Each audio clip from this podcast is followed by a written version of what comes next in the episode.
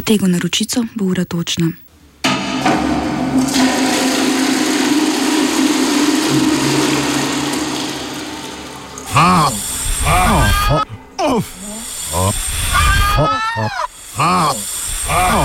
Offside. Novi lobistični poskusi odpiranja vrat finančnim špekulacijam.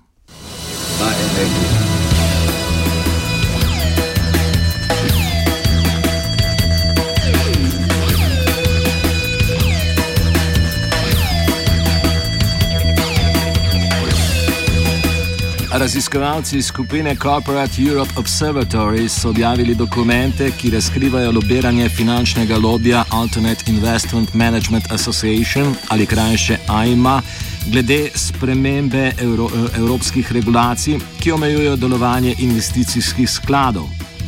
Zahteve po spremembi evropskih pravil so odziv na dogodke, ki so se poleti zgodili v Grčiji, ko je tamkajšnja oblast zaradi nedovoljene oblike finančne prakse, imenovane prodaje na kratko oziroma short selling, oglobila več hedge skladov.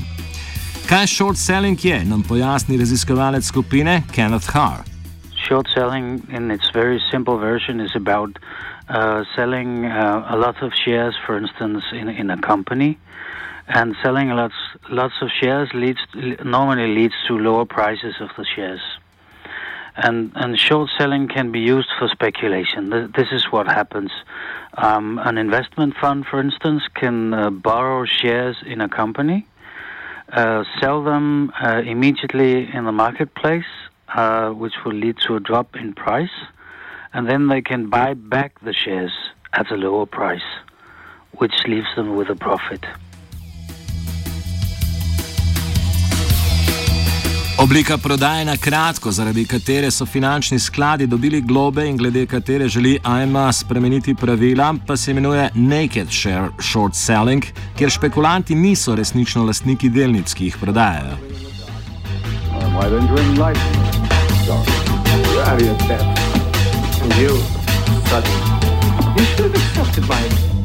You lost.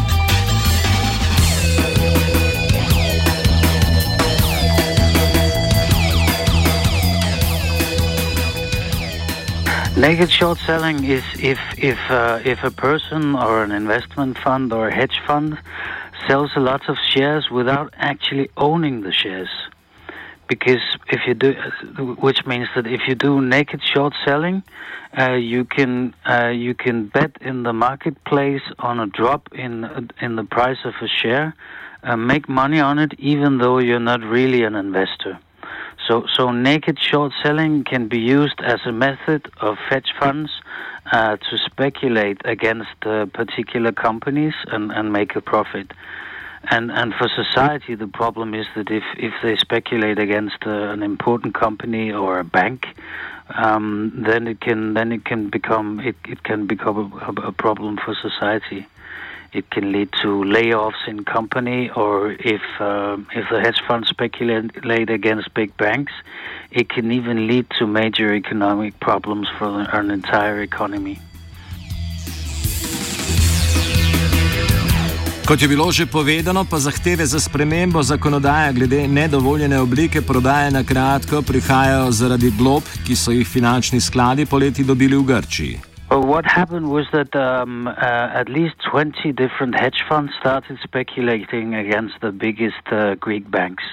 So what they did was they pretended they were they possessed uh, shares of Greek banks, and they sold them in the marketplace, which threatened the price of shares of the Greek banks.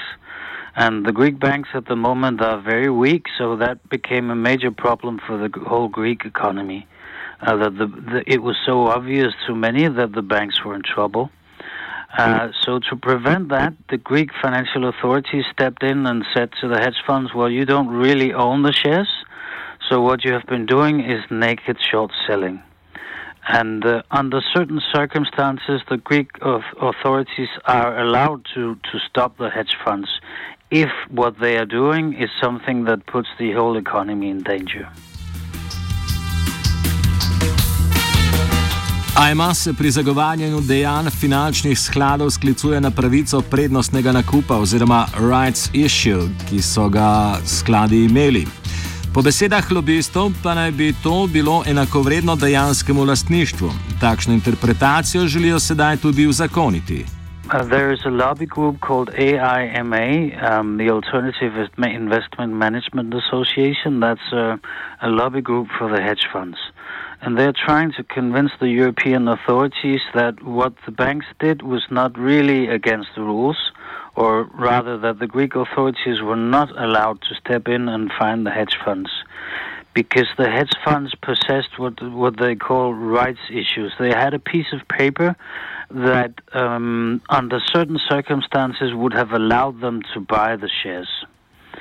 And um, and with these uh, these pieces of paper, or so so they argue, uh, they did not really own the shares, but they almost own the shares. So they want to they want to uh, put an, they want to put a rights issue on an equal standing as uh, regular shares.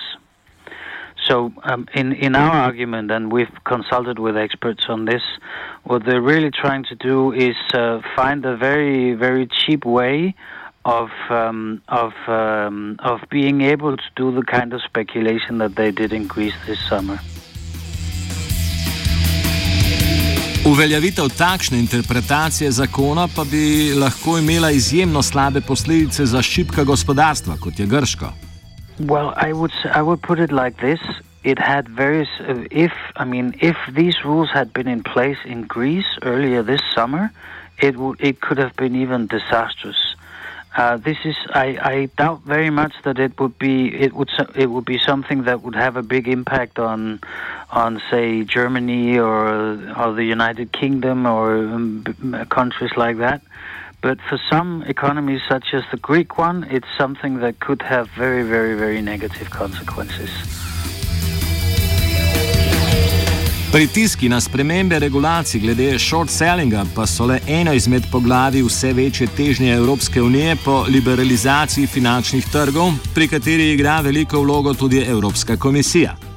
I would say that with uh, with a new uh, commissioner for financial markets, uh, it's a it's an, a British uh, man called Jonathan Hill.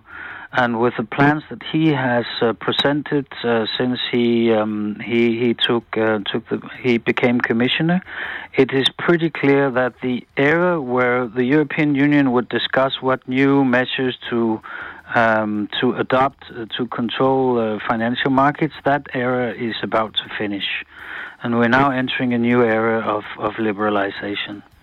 Uh, one of the big uh, the big objectives of uh, Jonathan Hill is to um, to have what he calls a capital markets union adopted, and the capital markets union is about liberalizing financial services.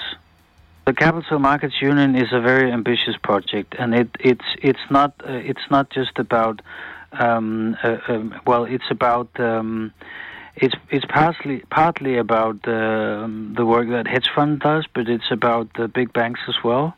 It uh, it one of the um, uh, one of the objectives of the capital markets union is to increase uh, the number of trades in securities. And th- I mean, we could go on for a very long time about what securities are. I, w- I would put it like this: the the financial crisis we had in 2008 was very much due to um, to um, to to trading in securities. And now, uh, surprisingly, securities are put up there as one of the main, one of the most important markets to improve on in, in the European Union. Kakšne pa so realne možnosti za uspeh lobistov pri prizadevanju za liberalizacijo short sellinga, zaključi današnji sogovornik Hart. That's a very, very good question. Um, I hope it's not realistic, but then again, I mean, inside the European Union, there are lots of countries putting harsh pressure on on on the European authorities to have them. Um, um, um, make the European um, financial markets more easy to um, to work in for, for hedge funds. So, I mean, I, I, I cannot say that th- this is probably not something that will happen within the next couple of weeks, but the, there is a real danger that, that it could become reality within the next year. Offside je pripravil Vanec Žiga.